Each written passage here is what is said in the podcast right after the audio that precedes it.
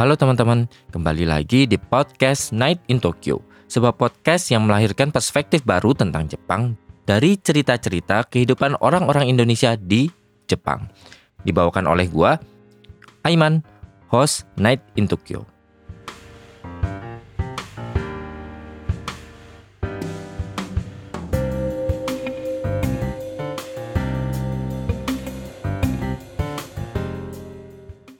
Halo teman-teman, kembali lagi dengan gua Iman di Night in Tokyo. Gimana teman-teman kabarnya semingguan ini? Semoga teman-teman tetap sehat, tetap baik-baik aja, tetap lancar semuanya. Rezekinya, yang masih sekolah-sekolahnya, yang kerjaannya juga semoga tetap lancar-lancar aja. Amin. Nah, untuk episode kali ini teman-teman, mungkin teman-teman udah mendengar ada suara-suara.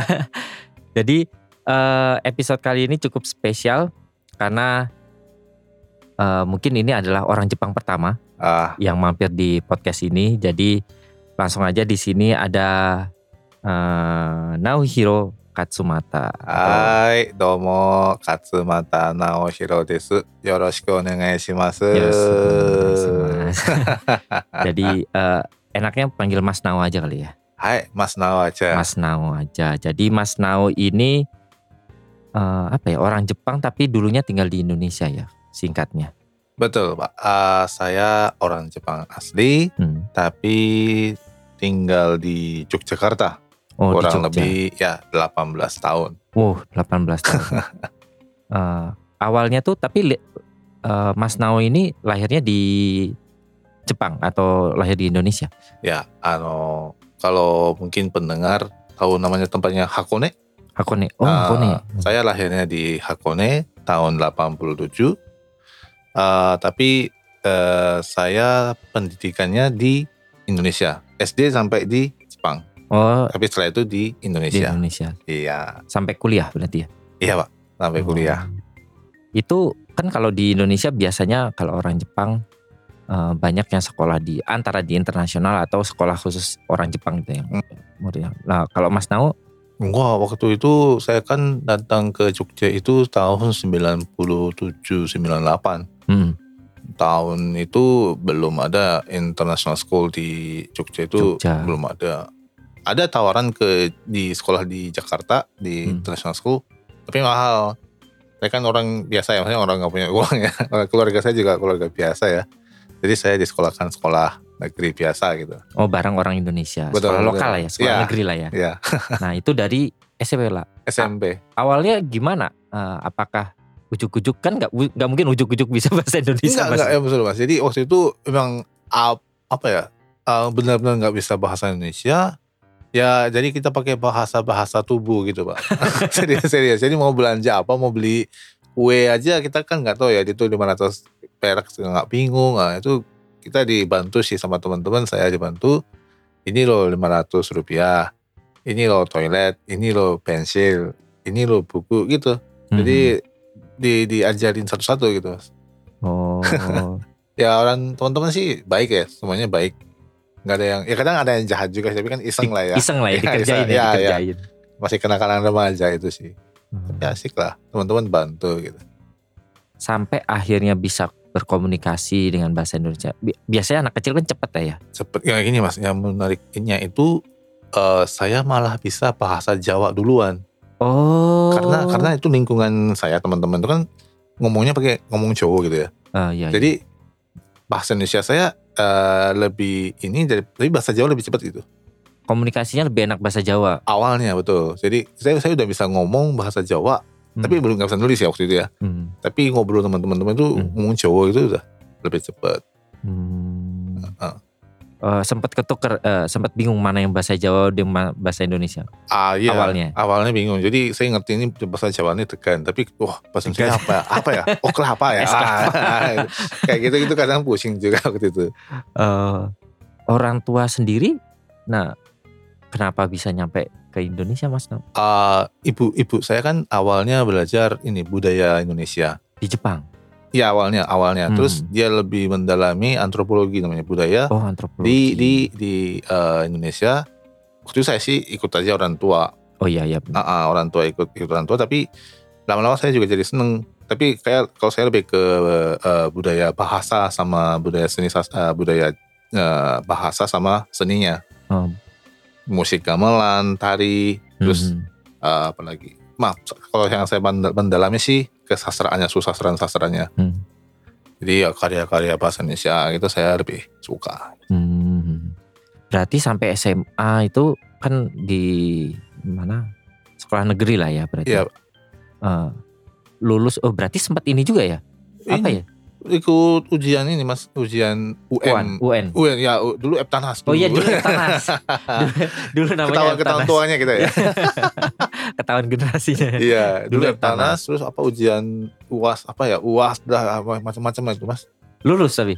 Ya alhamdulillah lulus Mas ya. Eh, ini enggak kalau dulu kan eh, rahasia umum lah ya. Mm-mm. Nyontek-nyontek gitu. Ya kita sih ini ya sa- sama gotong royong kita itu. Gotong royong. Oh benar ya. Gotong Gotong royong. royong kita sama-sama gotong royong. Kita kan inilah masyarakat yang suka membantu gitu. Oh iya dulu iya. Eptanas.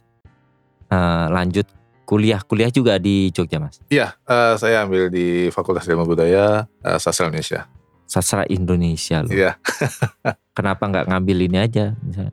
Apa? Sastra Jepang lah. Sastra Jepang ya menarik lah Mas. kan orang Jepang masa belajar Jepang di Jogja kan enggak lah. Oh Ya kan saya suka bahasa itu kan memang bahasa Indonesia kan menarik ya. Hmm. Ada ras-ras Jawa, Sunda, Oh iya, apalagi itu. benar-benar. Terus ada logat apalagi itu banyak kan. Nah saya sih lebih mendalaminya ke sastra Indonesia dan ya Jawanya ya lebih ke Hmm. budaya Jawanya. Menarik itu. Berarti Masnya ikut ini juga apa tuh namanya? Eh, ujian masuk negeri gitu. Iya iya UM UGM waktu itu. Oh UMUGM. Iya, jadi oh bukan yang S- SPMB gitu ya, bukan? ya? SPMB itu kalau yang di sekolah di tempat lain kayak di UI atau di Hmm. ITB kalau nggak salah. Nah, waktu itu saya masih UM UGM. Waktu itu tahun 2006 2006.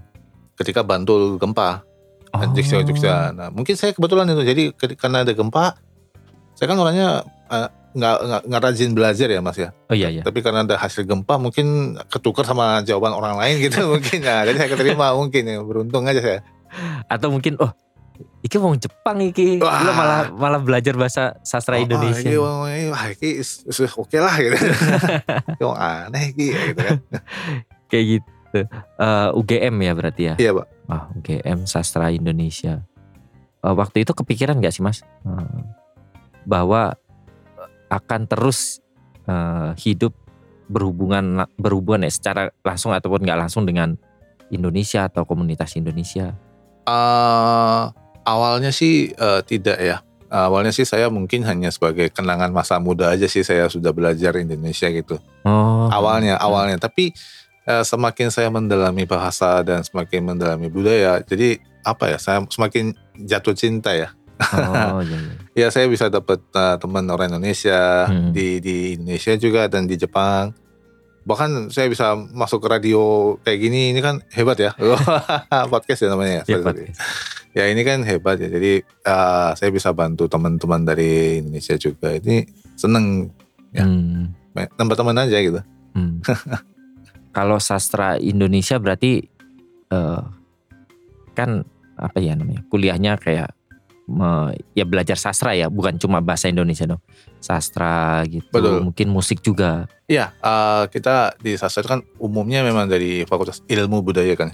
Budaya yang dipelajari. Jadi ya khususnya memang sastranya tapi nggak hanya sastra, memang ada budaya-budaya Jawa lah, ada Hmm. eh, belajar candi lah, ada belajar tari, Candi. ya, ada belajar Sanskerta kuno, ada musik, eh, batik, tari, macam-macam. Ya, itu menarik. Ya nggak ada habisnya. Kalau Indonesia kan budayanya kan macam-macam ya, ada budaya Jawa, budaya Sunda, budaya macam-macam itu kita bisa belajar. Nah selama hidup di Indonesia itu ada ini nggak ada koneksi dengan budaya Jepang nggak malahan? Kalau Jepang sih sedikit ya waktu itu. Ya ada mahasiswa-mahasiswa datang yang eh, pertukaran belajar datang, mereka hanya paling setengah tahun belajar Hmm. mengenal bahasa Indonesia, terus pulang gitu. Hmm. Kalau saya kan lama ya, sudah berpuluh tahun gitu. Hmm. Ya informasi yang saya, saya terima ya informasi dari teman-teman ini gitu. Oh. Waktu itu kan belum ada internet. Oh, iya, iya, iya, belum ada se-booming iPhone. sekarang ya. ya iPhone itu belum ada kan. Masih HP Nokia yang ini hitam putih itu yang dulu. googling itu wah, belum ada mas. Jadi ya kita dapat informasi dari TV paling. Hmm. Ya, Oh, Iya, iya. berarti musik-musik Jepang juga wah jauh mas. nggak tahu. Ya anime Cuma- anime aja kalau ada yang masuk. Oh. Dulu masih belum ada Facebook aja belum ada mas. Itu Hmm. kita kuliah kan. Friendster, wah lawas banget ya. Oh, musik-musik Jepang pun sebatas anime. Iya. Kalau nggak Mayumi Itsuwa itu ya. Iya, kok ketemu nih. Iya, kalau sekarang kan YouTube Hmm. ada apa Instagram ada SNS cepet. Dulu nggak ada mas. Jadi ya Malah belajar. kenalnya jangan-jangan eh, lebih kenal Sela on Seven ya daripada Iya iya. Musik-musik ya musik-musik lokal lah kita Hmm. lebih. Oh iya. Kan Sela on Seven ini. Eh Sela on Seven dari Jogja juga. Jogja ya itu. Lucu juga ya. Oh iya, ya juga sih kalau di kalau mungkin teman-teman berpikirnya zaman dulu itu seperti sekarang gitu kayak bisa streaming musik dan lain-lain gitu. Dulu mah enggak ya berarti. Wah dulu mah dulu pakai masih kaset gitu oh kan iya ya. kaset. Ya, heeh. Jadi kalau teman-teman punya musik ya kita sewa apa pinjam dulu. Kalau radio pun masih radionya banyak Ya. banyak ludruk gitu kan kalau di Jawa itu ya. Ya sekarang kan udah beda ya. Maksudnya udah perkembangannya udah semakin pesat. Hmm. Maksudnya kita mau dengerin musik Jepang aja tinggal ya smartphone di Ya. ini udah udah ini. Streaming di mana gitu. Ya dulu Dan- enggak dan ya itu enggak hanya di musik, mas, eh, makanan juga sama. Oh iya. Dulu enggak seperti sekarang cari udon, ramen, makanan Jepang yang Hmm. dulu itu belum ada mas. Oh, Berarti makan Indonesia terus juga. Iya iya. Kalau kita saya mau ke Jakarta itu itu udah waduh wah udah oh, wah awesome banget itu. Wah ini ada makanan Jepang, ada shoyu. Waduh. Ini ada tofu. Wah ini ada natto di Jakarta nih. Wah itu udah kayak udah surga gitu kan. Sekarang kan apa ya? Makan ramen di Jogja juga bisa. Di di, Hmm. di maksudnya di nggak hanya di Jakarta pun di, bisa ya. Berarti jiwanya Indonesia ya sebenarnya. Iya. tapi, tapi tapi memang sih saya kan suka makanan Jepang ya. Jadi ya Hmm. Eh, ya waktu itu sih ya apa sesuatu yang nggak jarang saya lihat terus lihat kan jadi seneng Hmm. kayak mas memang di sini lihat saya ada kecap bangau gitu misalnya ya Oh iya, seneng kan Kebalikan ya. Iya iya oh benar-benar. ada sambal nih gitu kan ya gitulah mas tuh Berarti ini ya apa? eh, kehidupan kuliah sekolah pun normal kayak orang Indonesia biasanya. iya mas iya betul S1 ya berat 4 tahun. S1 sampai S2 nanti Oh sampai S2 di di di UGM. Betul. Fakultas yang sama. ya Oh. Ini ya apa? Passion juga ya. ya eh, hmm, ya seneng aja sih ya Heeh. Hmm. sebenarnya ingin mendalami tapi ya ya udahlah cukup gitu Nah kalau orang orang tua sendiri itu eh, terus tinggal di Indonesia atau gimana? Ya, eh, saya kan waktu itu sama ibu saya ya kan. Ibu Hmm. saya itu mengajar bahasa Jepang ke orang Indonesia. Hmm. Dosen atau bukan? Eh, ma, ma- bukan dosen sih, tapi dia mas sebagai guru saja sih. Nah, eh, saat ini pun masih di Jogja, Pak. Oh. Masih masih mengajar ini eh, bahasa betah berarti ya. bahasa ya bahasa bahasa Jepang ke orang Indonesia. Selama 18 tahun tuh sering pulang balik ke Jepang gak mas? Ah, saya juga, eh, ibu saya juga kadang ke Jepang, saya juga kadang ke Jogja, atau masalah COVID, waktu COVID kan kita sempat susah ya Hmm. pulang ke sana. Ah, tapi ya sebelum COVID kita pasti setahun sekali atau dua kali itu sempat ah, Hmm. balik ke Jogja atau ke Jakarta paling nggak ketemu di Jakarta gitu.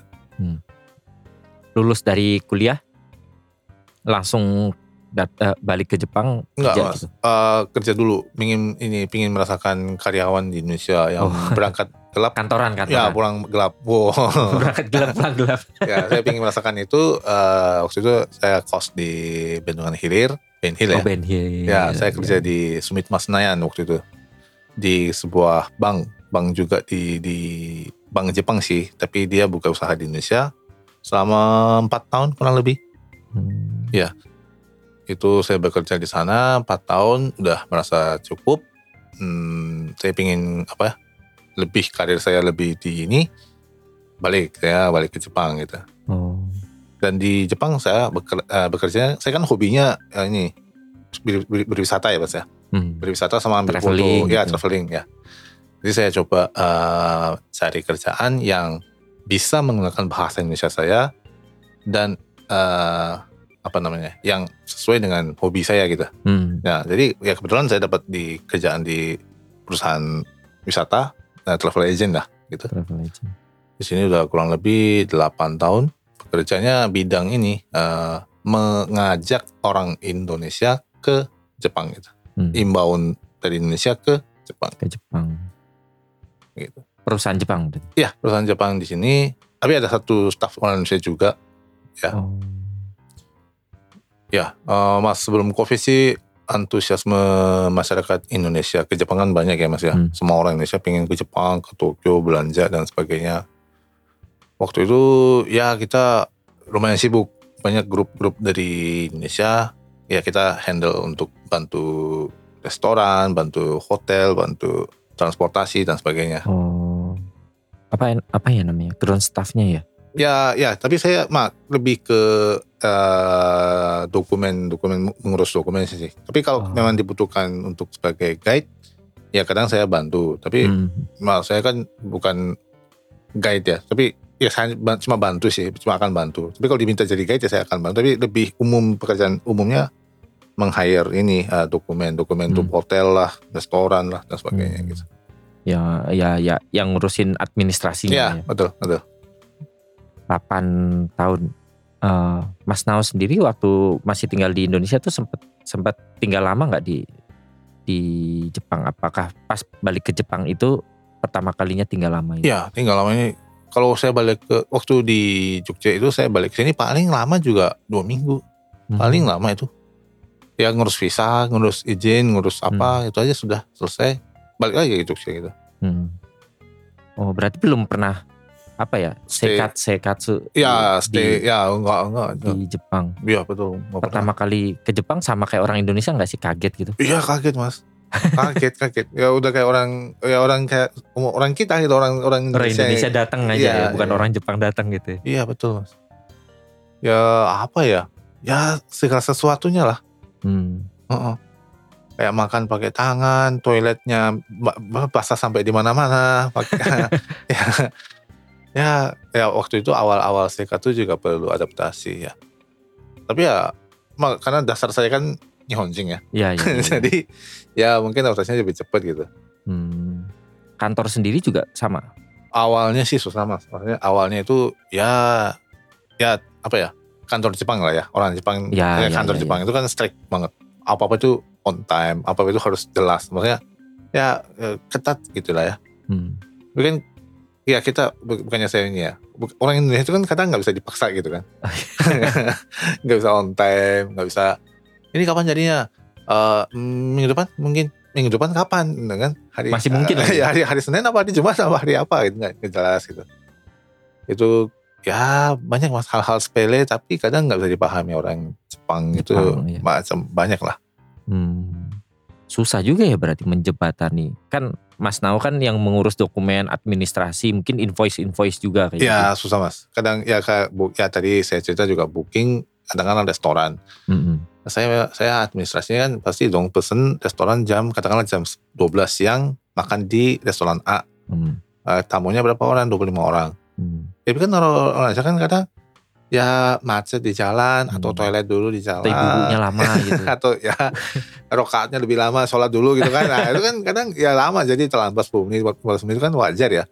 Tapi kan Iya. Nihonjin itu kan oh daiju desu ka ima doko desu ka Oh, iya. doko de- daiju desu ka gitu. Ya Allah tenang aja kali ini kan lagi di jalan gitu kan. Tenang pasti datang pasti gitu.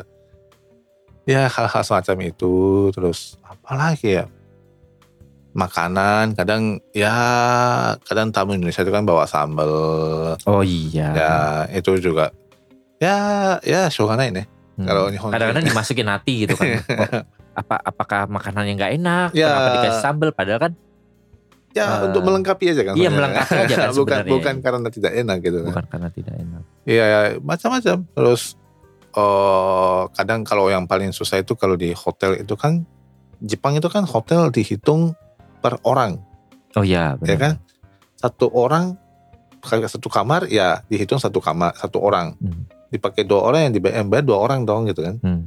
tapi kalau orang kita kan ya kita kan udah satu kamar ya mau diisi satu Berlima gitu. ya ba- batalion juga nggak bodo amat gitu kan kadang pemahaman-pemahaman gitu kan masih kurang ya kita harus menjembatannya gitu ibu ini walaupun ibu sudah satu kamar cuman maksimalnya yang di, ini yang yang bisa dipakai ya yang ibu bayar. Kalau ibu bayar dua orang ya dua orang. Nggak bisa tiba-tiba masukin orang dua orang lagi itu nggak bisa. Hmm, Nah, itu- harus itu- buka kamar lagi ya. ya kayak gitu itu kita kasih tahu juga. Masalah tepat waktu itu ya itu paling paling paling sering sih. Tapi ya sekarang kan sudah mulai kembali ya eh, wisatawan asing itu udah mulai kembali. Dan orang Jepang sudah mulai biasa lah gitu Hmm. dengan dengan kefleksibilitalis ke lebih fleksibelnya orang asing gitu. Iya, sebenarnya nggak cuma orang Indonesia doang ya. Iya sebenarnya enggak enggak loh. Cuma orang karena image aja kita kan. Maksudnya ada nggak tahu orang Am- Amerika atau orang Eropa mungkin itu juga Ya, banyak sama juga. sama juga. Hanya orang Jepang yang eh, on time banget gitu kan. Tapi kan kalau saya kan bilang ya orang Jepang aja yang on time tapi tamu-tamu dari dari Asia lainnya juga ya oke aja kan terlambat berapa lama doang nggak apa-apa. Iya sih kebayang kalau kalau misalnya di restoran gitu. Yang panik itu sebenarnya bukan guide-nya, yang punya restorannya. Iya iya. Ah, ini udah jam segini kok belum datang gitu. Ini jadi atau enggak di- Ah, gitu-gitu. Kecuali kalau kayak memang yang benar khas on time kayak naik, naik kendaraan Shinkansen. Oh ya, Nah, kalau itu, itu, itu memang kita harus kita harus memberitahu tamu ibu-ibu ini Shinkansennya harus jam segini loh bu, jadi nggak bisa terlambat gitu. kalau terlambat ditinggal loh Bu. Iya, ini harus katanya beda lagi bu, nah, gitu kan kita harus kasih. Tapi kalau kayak makan hotel kan itu kan maksudnya lebih bisa fleksibel lah itu macam itu kita harus menjembatani memahami Hmm. orang Indonesia itu kan ya susah lah ya apalagi ya maaf ya kalau orang dari pedalaman dari dari desa ke Jogja Oh. gitu kan ya pace-nya lambat lagi. ya naik MRT aja bingung gitu loh apalagi naik di kini kita jalan-jalan di Shibuya gitu kan ya bingung kan pasti gitu Iya, iya, iya. ya semacam itu menarik lah ya Eh, pas eh, pas Covid itu gimana, Mas? pas covid ya karena eh, perbatasan negara Indonesia dan Jepang itu ditutup ya kita nggak ada tamu lah ya tamu dari Indonesia itu nggak ada waktu itu ini mas ya kebetulan waktu covid itu eh, saya di di apa ya dibantu saya minta dibantu buat konten sama orang bule yang bisa bahasa Jawa Hmm. nah di situ saya bikin konten YouTube eh, sama Mas Dave namanya di Rondo Kampung Lono kampung. Nah saya di situ jadi nggak tahu nih viral jadi di situ jadi viral Oh. ya TV jadi viral terus saya di ya di dipanggil banyak orang gitu Mas Nao eh, ini dong kamu bisa bahasa Indonesia ya dan sebagainya nah di situ ada kebetulan ada orang dari kedutaan melihat saya ya udah orang kedutaan eh, me- me- apa ya meng- mengatakan ya udah kamu kalau nggak ada kerjaan ya bisa bantu di KBRI gitu Hmm. Kebetulan orang yang KBRI sekarang juga ada lulusan al- alumni UGM juga ada. Oh. Ya udah Satu alumni ya. di situ di Satu alma mater, Mas. alma mater. Ya di ini di di apa di di OP ini lah ya orang Jawa bilang di OP ini.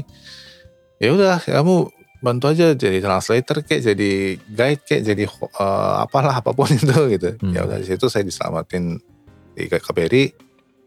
Ya selama tiga tahun lah ya. Hmm. Sekarang udah covidnya udah udah udah mereda. Ya sekarang lebih fokus di eh, kerjaan yang di tour. Tapi kadang juga masih bantu juga di KBRI. ya apa itu gitu lah. Oh, iya iya iya. Iya juga sih. Kan memang kalau dua tahun kan nggak nggak nggak singkat ya. Ya lama lah mas. itu kan Apalagi nggak ada tamu sekali nol ya berarti. Ya kita bantu ini mas kita dibantu sama teman-teman PPI waktu itu bikin tour yuk mas. Yo kita bikin tour terus eh, ada juga dari eh, ada masyarakat diaspora yang Katolik ya atau Kristen ada Hmm. juga. Terus ada juga dari Kensyuse ya Gino Tuk Tuk Te Gino itu juga mereka pingin tour ikut tour. Ya kita Hmm. bikin saya bikin tournya kadang-kadang tour ke eh, ski misalnya ski experience atau Hmm. kita bikin tour ke onsen. Nah kita bikin kita bantu eh, orang-orang KBRI juga ada kan dan dari street juga ada.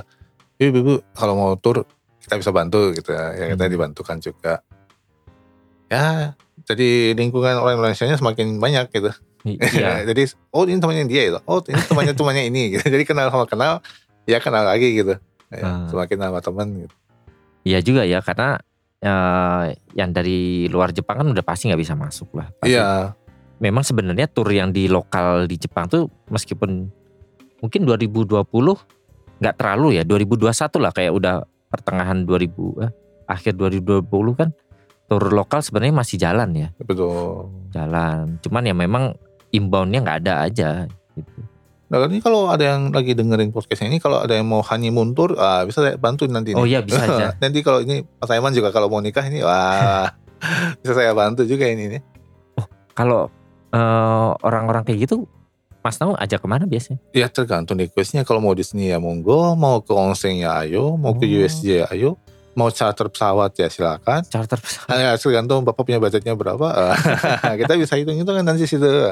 Oh oh, sampai sam Ada, tapi, tapi kadang orang Indonesia kan ya ada dua jenis sih kalau saya lihat. Ada yang pingin pingin bener-bener banget meng- me- me- apa ya menginap di kampung Jepang gitu.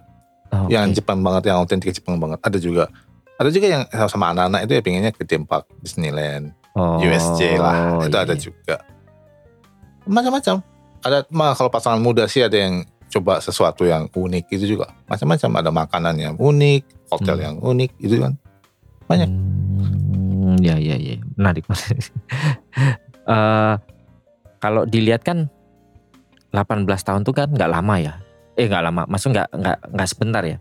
Ya. 18 tahun tinggal di Indonesia gitu.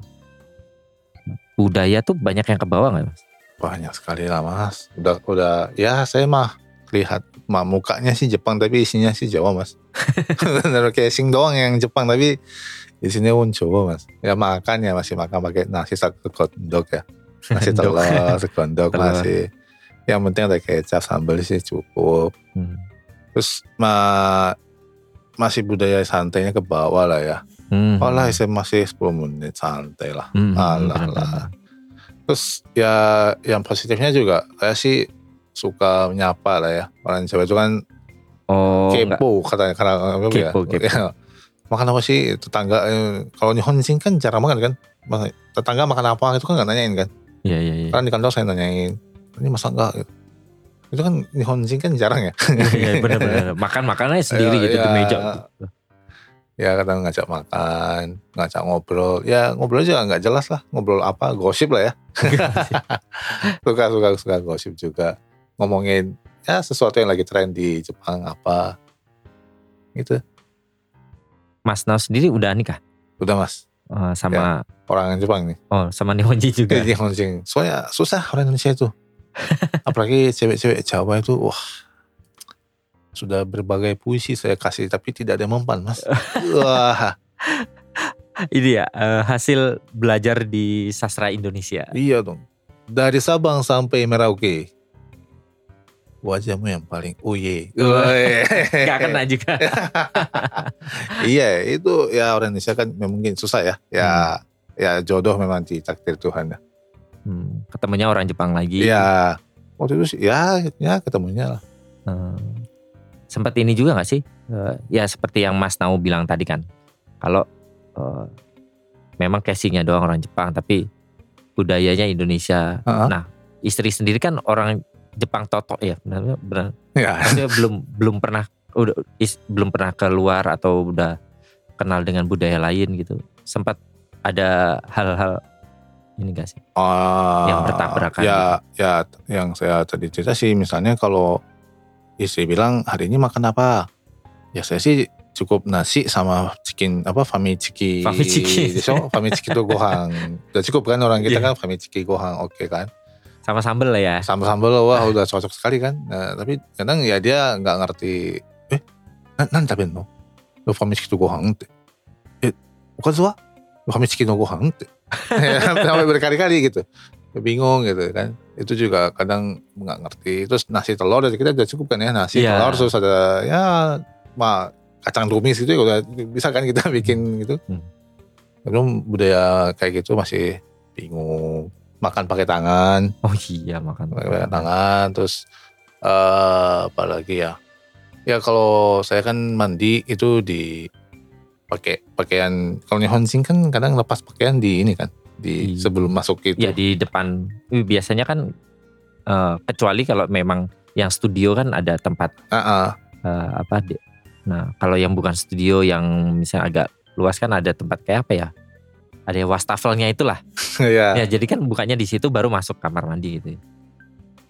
Lah itu kita saya saya sih saya kadang lepas bajunya di, Di dalam, dalam. Nah, kayak orang kos-kosan lah gitu. Iya. Apa lagi ya? Macam-macam lah, Mas. Mm, Jadi ini aja sih jadi jadi jadi hal lucu aja ya sebenarnya. Iya. Karena eh, ya ada juga loh ya. ya gimana lah mak masalahnya mungkin ya mungkin kalau kalau tapi kayaknya juga tetap sama juga ya meskipun eh, zaman-zaman sekarang pun misalkan bisa browsing budaya apa nonton apa pun lah yang dari Iya. Jepang tapi ya kalau udah 10 tahun lebih tinggal di Indonesia sih pasti Karena kan mungkin saya tinggalnya kan di kampung ya, Mas ya. oh iya waktu juga di ya. Jogja. Jadi itu yang mempengaruhi eh, dasar saya. Maksudnya Hmm. sikap saya yang seperti ini itu karena di kampung. Mungkin kalau saya tinggalnya di perumahan atau di apartemen di Jogja gitu, oh mungkin nggak seperti ini. kayak di ya. Jakarta gitu Ya, kan. ya mungkin beda kali. Tapi ya karena karena saya hidupnya di kampung, urip ning desa gitu. Jadi ya ngumpulnya juga sama orang-orang kampung nggih. Ya jadi ya ya gini gitu. Ya Hmm. sa seadanya nggih. Nompo ponone eh, iya. ya Eh, ada ada yang ini nggak mas Eh, budaya Indonesia yang sampai sekarang ke bawah dan Mas Nao tuh merasa bersyukur gitu loh. Oh eh, punya Punya budaya itu. Oh, Budaya Indonesia yang saya merasa bersyukur itu keramahan keramahannya ya. oh yang tadi ya. Ya orang Indonesia itu kan semuanya ramah ya. Kita kalau orang saya sih gini ya mas. Apa itu kan salaman ya, Oh iya. benar. bersalaman. Kalau saya tuh suka gitu. Walaupun di COVID-19 ini kan kadang nggak boleh ber, apa sentuhan, tapi saya lebih saya kita kayak tadi waktu kita ketemu juga kita salaman dulu gitu Iya. kan. Kayak ya apa ya? Eh, kita sudah membuka hati kita untuk ngobrol gitu. Kalau Nihon sih kan kadang sampai nomikai selesai juga masih apa ya ngelirik-ngelirik ini orangnya gimana ya gitu kan. Oh iya iya iya. iya. Jadi eh, tidak ada apa ya ya ya orang Indonesia itu kan semua itu kan friendly lah ya. Iya, apalagi Jogja ya. Ya, Ya, mungkin kalau kalau Jakarta nggak tahu saya Jakarta kayak apa sih mas? agak dingin lah ya. ya itu nggak tahu saya. Kalau Jogja sih kebayang sih. Semuanya kan friendly. Jadi ya ngobrolnya mas dari mana? Dari Jogja atau dari Jawa gitu. Udah di situ udah ngobrolnya oh Jawanya mana? Hmm. Ah ini di mana? Di Bandung. Oh Bandungnya mana? Oh kuliahnya di mana? Di KJA. Itu kan udah ngobrolnya Hmm. bisa ke mana-mana gitu. Nah itu saya Nihonjin kan nggak nggak gitu kali. Kalau saya sampai tanya, eh itu Kano itu kan kayak nampah gitu kan. Jadi apa? Jadi Ah, apa ya? Jadi, orang ofensif ya ya, kadang-kadang ya. gitu kan. Kalau orang kita kan dari mana mas? Dari Jogja. Jogja mana? Oh kuliahnya di UGM. Wah ini kan ngobrolnya. Oh iya, apalagi ditanya gini ya kalau Nihonjin tiba-tiba baru kenal rumahnya di mana. Nah, itu kan bingung. oh, oh eh, na, na, na, nani tendo gitu kan gitu. Nah, Padahal kan maksudnya kita nanya itu daerah tinggalnya. Ya, kan. ya, kata saya di Jogjanya di mana di, Di di Jalan gitu. ya atau di Jakarta di Oh, mana gitu kan. Ya. Eh? Tapi kan kalau tanya nyok tuh kan Sunda Maska gitu kan, wah dikira Fusinsha malah bahaya kan kita. Ya, ya, ya. Ya tapi itu saya rasa budaya yang sangat eh, saya eh, tidak mau saya pudarkan ya. Maksudnya itu ya itu kelebihan menurut saya menurut saya itu kelebihan orang Indonesia maksudnya friendly lah ya Hmm. Lima menit ngobrol aja udah kayak udah kayak teman gitu kan. Iya, iya. kan ya jarang lah ya. Iya.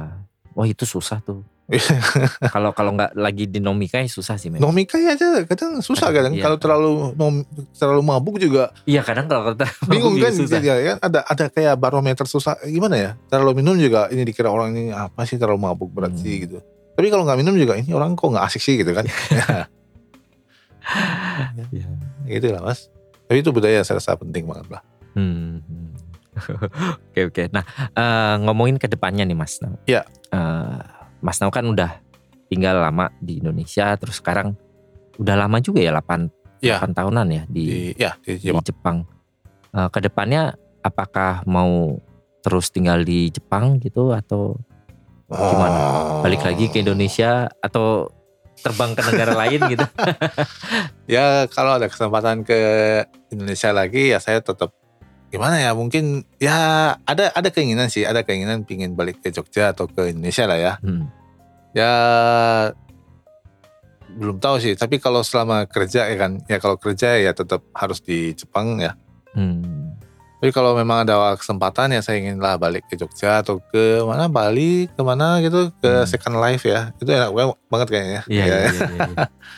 kalau ada kesempatan sih kalau kan ya Jogja juga udah beda lah ya bisa, bisa udah hidupnya Hmm. udah baik lah maksudnya nggak seperti dulu gitu Ya udah lumayan maju juga Ya, maju maksudnya apalagi Jakarta gitu kan ya saya rasa kalau ada kesempatan sih mungkin bisa balik sana nah belum tahu tapi belum ada rencana ya ini ya gini aja mas ya Iya, iya. ngelakoni wae gitu Eh, ya.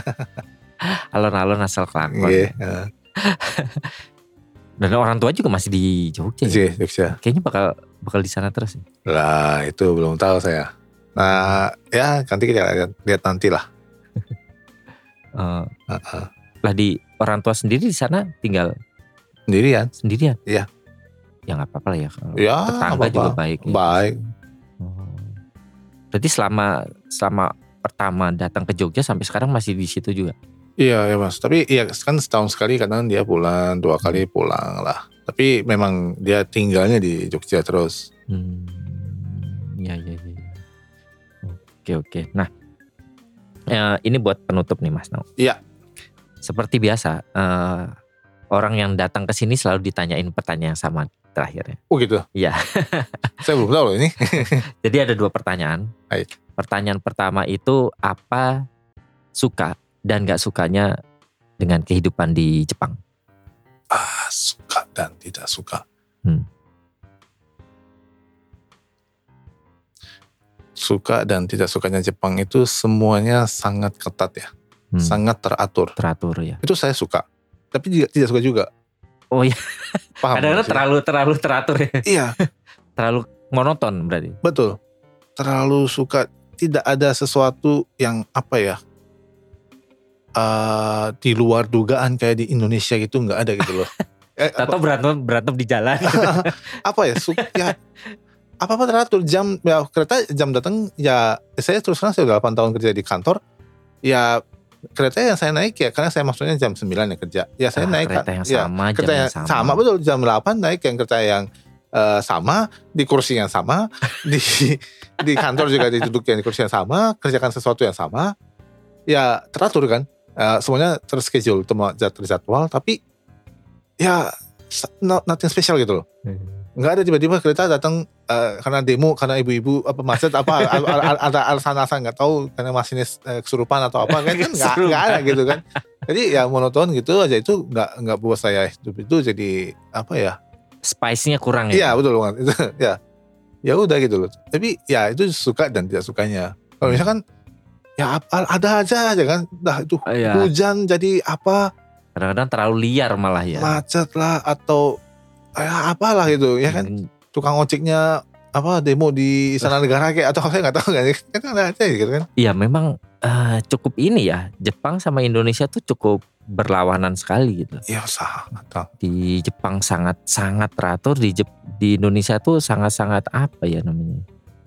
Eh, bisa dibilang tuh nggak terprediksi ya. iya Sama sekali nggak terprediksi. Iya. Bisa aja eh, tiba-tiba yang kemarin macet sekarang macet gara-gara ada yang berantem di jalan gitu kan. ya, ya itu kan ya ya bisa jadi cerita lah ya Iya.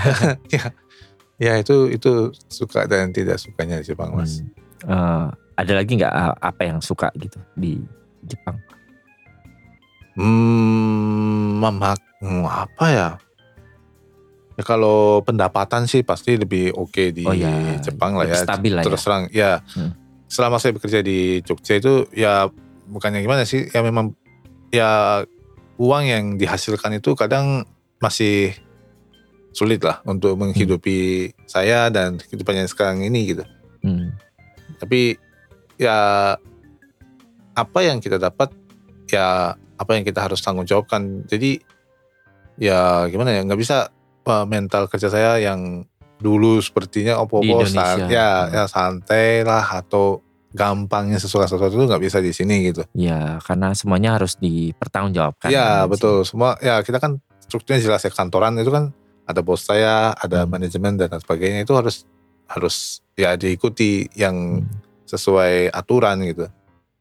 kadang nggak enakan juga ya soalnya di sekeliling misalkan orang Jepang gitu kan saya sendiri kan eh, kerja di perusahaan Jepang juga gitu Hmm. kalau kita yang santai sendiri kan malah Ya jadi away banget gitu kan, Iya, jadi iya, sendirian. iya, iya. gitu ya itu Iya. juga. eh, ya memang gajinya lumayan ya tapi ya tapi ya ya, ya, ya tanggung jawab juga berat gitu Ya, maksudnya. tanggung jawab Ah, juga ah, berat pasti berat. Mm-mm. Hmm. nah kalau yang nggak sukanya ada lagi nggak Dari Jepang. ya dari Jepang Hmm, terlalu orang itu tuh kalau saya lihat ya terlalu cuek lah ya sama lingkungan ya. ya. Hmm. Kemarin saya ada orang tiba-tiba jatuh di jalan, Gak ada yang bantuin ya enggak sama sekali enggak. Apa ya? Eh kalau dari sisi apa ya? Kalau itu atau saya, terlalu positif gitu ah, ntar juga ada yang Iya. bantuin kalau kita kan kalau Jogja misalnya ya atau di Jawa di Indonesia pun ada orang tiba-tiba jatuh atau pingsan satu satu paling tidak kan ada orang berhenti untuk membantu kan gitu. ya ya ya kalau kita itu kayak udah apa pakai eh, earphone, pakai non lihat HP, oh ada orang gitu. jatuh, ya lewat gitu aja gitu kan. Masanya itu aduh, aduh ya ampun ini aduh cuek banget sih gitu kan. Hmm. Itu kan bantu bisa dibantu paling tidak eh, nggak usah bantu sampai rumah sakit nggak apa-apa. Paling panggilin orang staff di st- stasiun, ini ada orang Hmm. sakit, itu juga nggak apa-apa kan itu.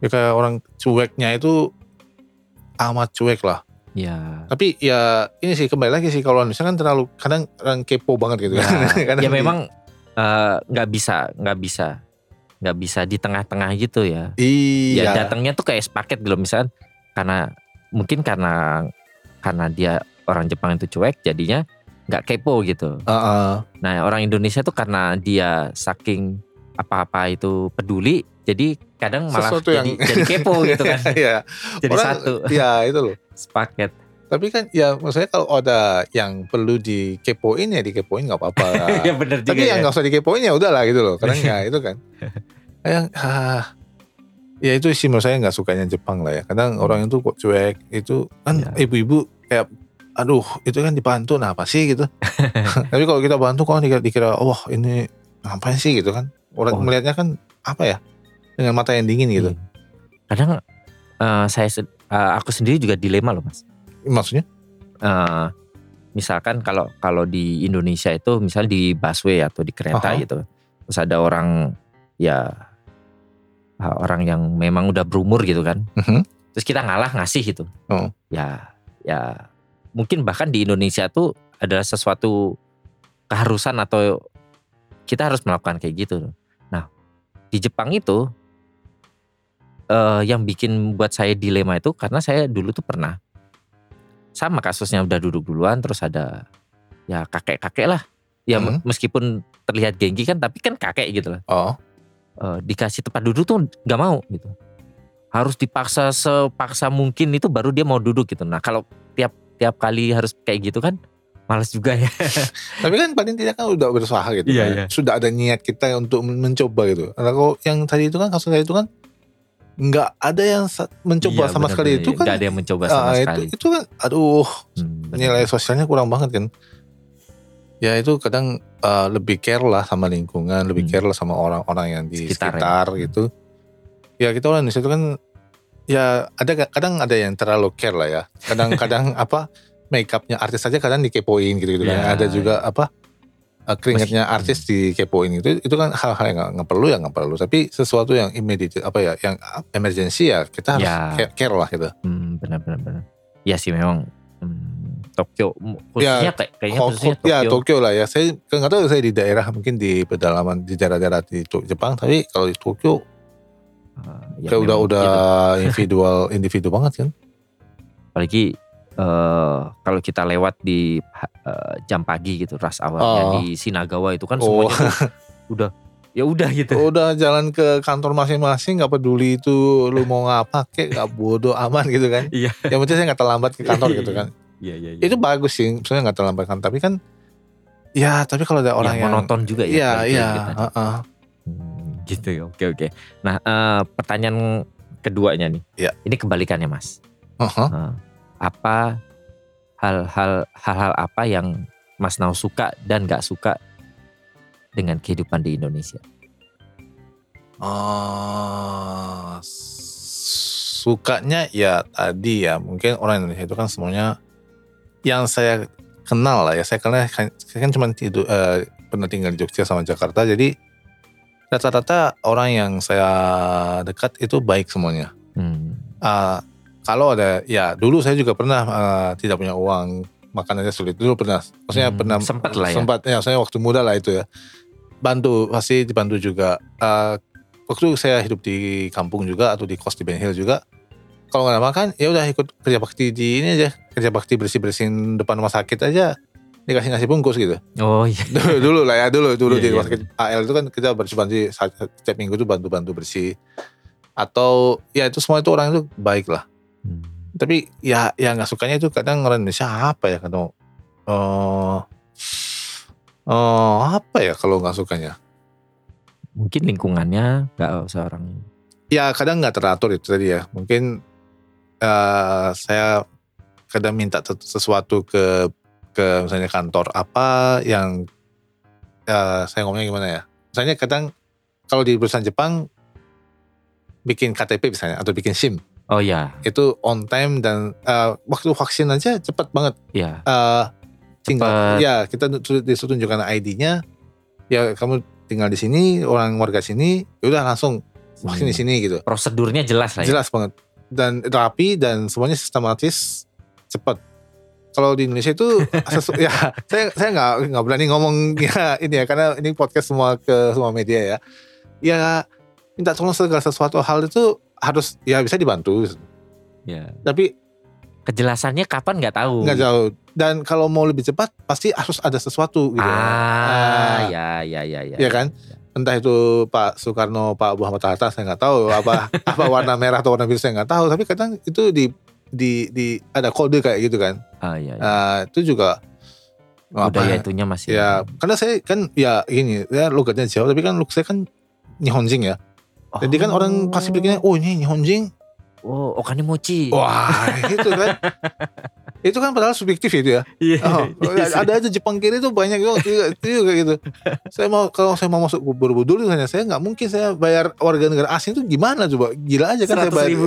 Eh sekarang berapa? Sekarang lebih. Lebih ya? Iya, Oh iya, iya. itu Borobudur loh. Belum lagi saya saya bawa ke Bali lah ke ke mana tempat Meskipun lain. ngomong udah Jawa kayak gitu masih dimasukin situ. Iya, itu yang jadi repot sekali. Jadi saya harus ngomong saya itu harus eh, berpenampilan seperti orang Indonesia gitu loh. Oh. Ya kaos sono nih, ya saya pak- agak agak dirus-rusuin dikit gitu loh. Tapi masih masih masih dikit ya. nanyain gitu. Artinya mana mas gitu. Eh nih mangga dua gitu. Ah, dikira Cina gitu kan. Oh iya benar juga. benar benar. Tapi kalau dilihat paspornya kan Jepang lah ya, pasti ketahuan kan. Ketahuan. Apalagi bisa- saya, kalau saya bawa tamu itu kan pasti dikira Nihonjin, bukan mochi gitu kan. Ya Allah padahal saya kan ya ya ada aduh gitu ya kan. pas-pasan aja. gitu. Borobudur itu kan saya waktu saya kuliah juga berapa kali saya masuk sih itu kan penelitian bahas itu di sana itu kan. Aduh, ya itu ada juga kadang ya bisa bantu, saya bisa bantu administrasi. Bisa, Pak. Bisa. gitu kan. Aduh, itu ya kadang nggak suka lah masih mentalnya. Kadang ada mental yang semacam itu nggak baik lah ya. Tapi Mungkin semua. sekarang udah agak berkurang. Tapi memang tahun Masih. tahun 90-an sih Wah. Masih zaman itu sih ini banget sih. Ya sekarang udah Bahkan bisa nggak dikerjain loh. Iya, iya, Ya kan, iya. tahun- tahun- Da- tahun- tahun- ya zaman-zaman itu Iya, gitu. zaman itu, itu. Kayak kode kodenya tuh udah jelas. Terus kalau kita nggak mengambil jalan itu tuh bisa bisa yang nggak malah nggak dapat loh. Iya, betul. Lucu lucu. Ya itu ya sekarang sih ya pasti berkurang lah ya karena Yang mendingan lah ya. ya pasti. Tapi kan nggak mungkin itu jadi nol kan ya. Ya, Pasti ada beberapa di ya itu saya, nggak nggak nggak lah ya maksudnya itu. nggak appreciate lah ya Iya. untuk hal itu ya. Iya sih. Ma, kalau kalau mau ya udah tulis aja ini sekian biayanya cukup Oh, iya. kan fair kan. Oh iya kalau kalau mau udah jelasin aja di Iya. awal segini. gitu. Oh fair aja kan gitu loh. Ya itu sih kadang eh, hal-hal yang susah dipahami lah ya. Iya juga ya. Sebenarnya di Jepang sendiri pun mengurus-ngurus kayak gitu dibilang murah juga enggak apalagi SIM gitu kan. Iya Bayar sekali ini, bayar ini ini ini tuh enggak nggak enggak murah, murah. Iya. enggak murah. Tapi ya memang dan nggak bisa juga kita buru-buru terus di Jepang mas tolong cepetin dong itu nggak mungkin gitu Calo, kan. calo, nggak ada calo, ada Nggak calo. mungkin gitu loh. ada calo. Oh, nggak mungkin. Kalau Indonesia kan sesuatu mungkin. Ya ini, ini jadi menariknya tadi. Jepang itu monoton, sistematis, prosedurnya jelas. Tapi kalau Indonesia kan tiba-tiba aja bisa bisa gitu kan. Nah, Bi- Bisa yang eh bilangnya seminggu terus tiba-tiba eh, kalau dua mau jam kemudian segini, jadi. Iya itu kan sesuatu. asal mau. Oh, oh. Ya, itu Iya, kan. iya, Ya ada bandinya juga ada. Ya, ma, mesti kasih itu kodesnya. Iya iya benar-benar. Ya memang jadi semuanya nggak jelas aja sih. Kadang-kadang Hmm. ya kalau orang memang eh, niatnya ya udahlah nggak mau repot, akhirnya ngeluarin segitu ya ya udah gitu loh. Tapi Ah. kan kadang-kadang kan orang kalau kayak gitu jadinya semua orang yang di situ tuh berekspektasi yang sama gitu. Iya betul. Jadinya Jadi nggak nggak ada sistematisnya. iya. Iya. Semakin bayar, bayar mahal, semakin cepet. Cepet. Iya kan? Iya, gitu. Ya, ya, Ya. ada plus minus lah. Jepang juga, Jepang juga ada plus minus. Betul. Indonesia juga ada plus minus. Nah, ya memang begitulah teman-teman. Ya memang benar banget sih tadi kalau dibilang Mas Nao tentang saking teraturnya tuh jadi monoton semuanya. Mm-mm. Kadang eh, udah sangat terprediksi, terprediksi gitu loh. Nanti kayak gini, nanti gini, alurnya kayak gini. Bahkan kerjaan pun terprediksi loh Mas. Jelas, jelas. Memang kadang-kadang awal-awal sih kagum gitu. Oh Cepet ya. Apa? pekerjaan kayak gini bisa diprediksi rupanya ya eh, jamnya sekian jadwalnya sekian selesainya sekian terus tapi lama-lama kok kok gini-gini wae gitu Iya iya. Nggak ada. Ya ya gitu aja gitu. ya gitu Ah. aja gitu Heeh. Ya, bener. oke oke ya itulah teman-teman eh, obrolan buat podcast hari ini Eh, Mas Nao sendiri punya Instagram mungkin teman-teman yang Oh, di yang lagi dengerin podcast ini Ya. Pengen tahu nih Mas Nao yang mana sih Wah, makasih sekali. Ya di nama saya kan Naohiro Katsumata. Ya. Ya sudah tambahin aja Edmark di depannya. depannya Naohiro underscore Katsumata. Ntar langsung ketemu. Ya ketemu follow aja nanti saya ini. Yang mau liburan atau Boleh. mau buat acara gathering gitu di Wah, Jepang. boleh boleh boleh lah. Foto mau translate apa pun. Katanya sampai kalau mau sewa private jet bisa juga. Asik. It- itu bisa eh, cari di Heeh lah. at Ya. eh, Naohiro underscore Katsumata teman-teman. Hai. Nah dan jangan lupa juga teman-teman buat follow juga pod, eh, Instagram podcast Night in Tokyo di night.in.tokyo karena di sana teman-teman bisa ngikuti atau bisa tahu segala informasi yang berkaitan tentang podcast ini ataupun hal-hal yang berkaitan tentang Jepang juga dan buat teman-teman yang dengerin di Spotify bisa juga eh, di rate atau di follow eh, supaya naik mungkin podcastnya supaya Oh, rame amin, juga biar amin, cerita amin.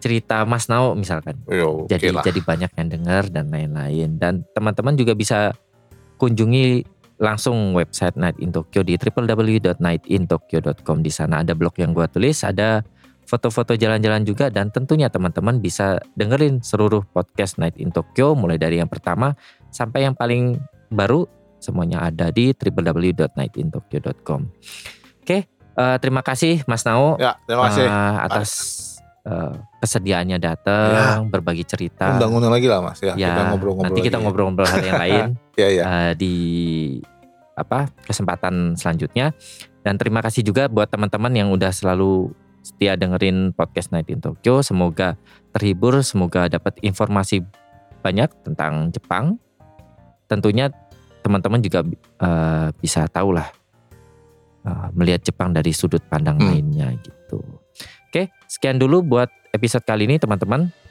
Eh, terima kasih Selamat malam, sampai jumpa lagi di episode Night in Tokyo selanjutnya. Bye bye. Hai, domo.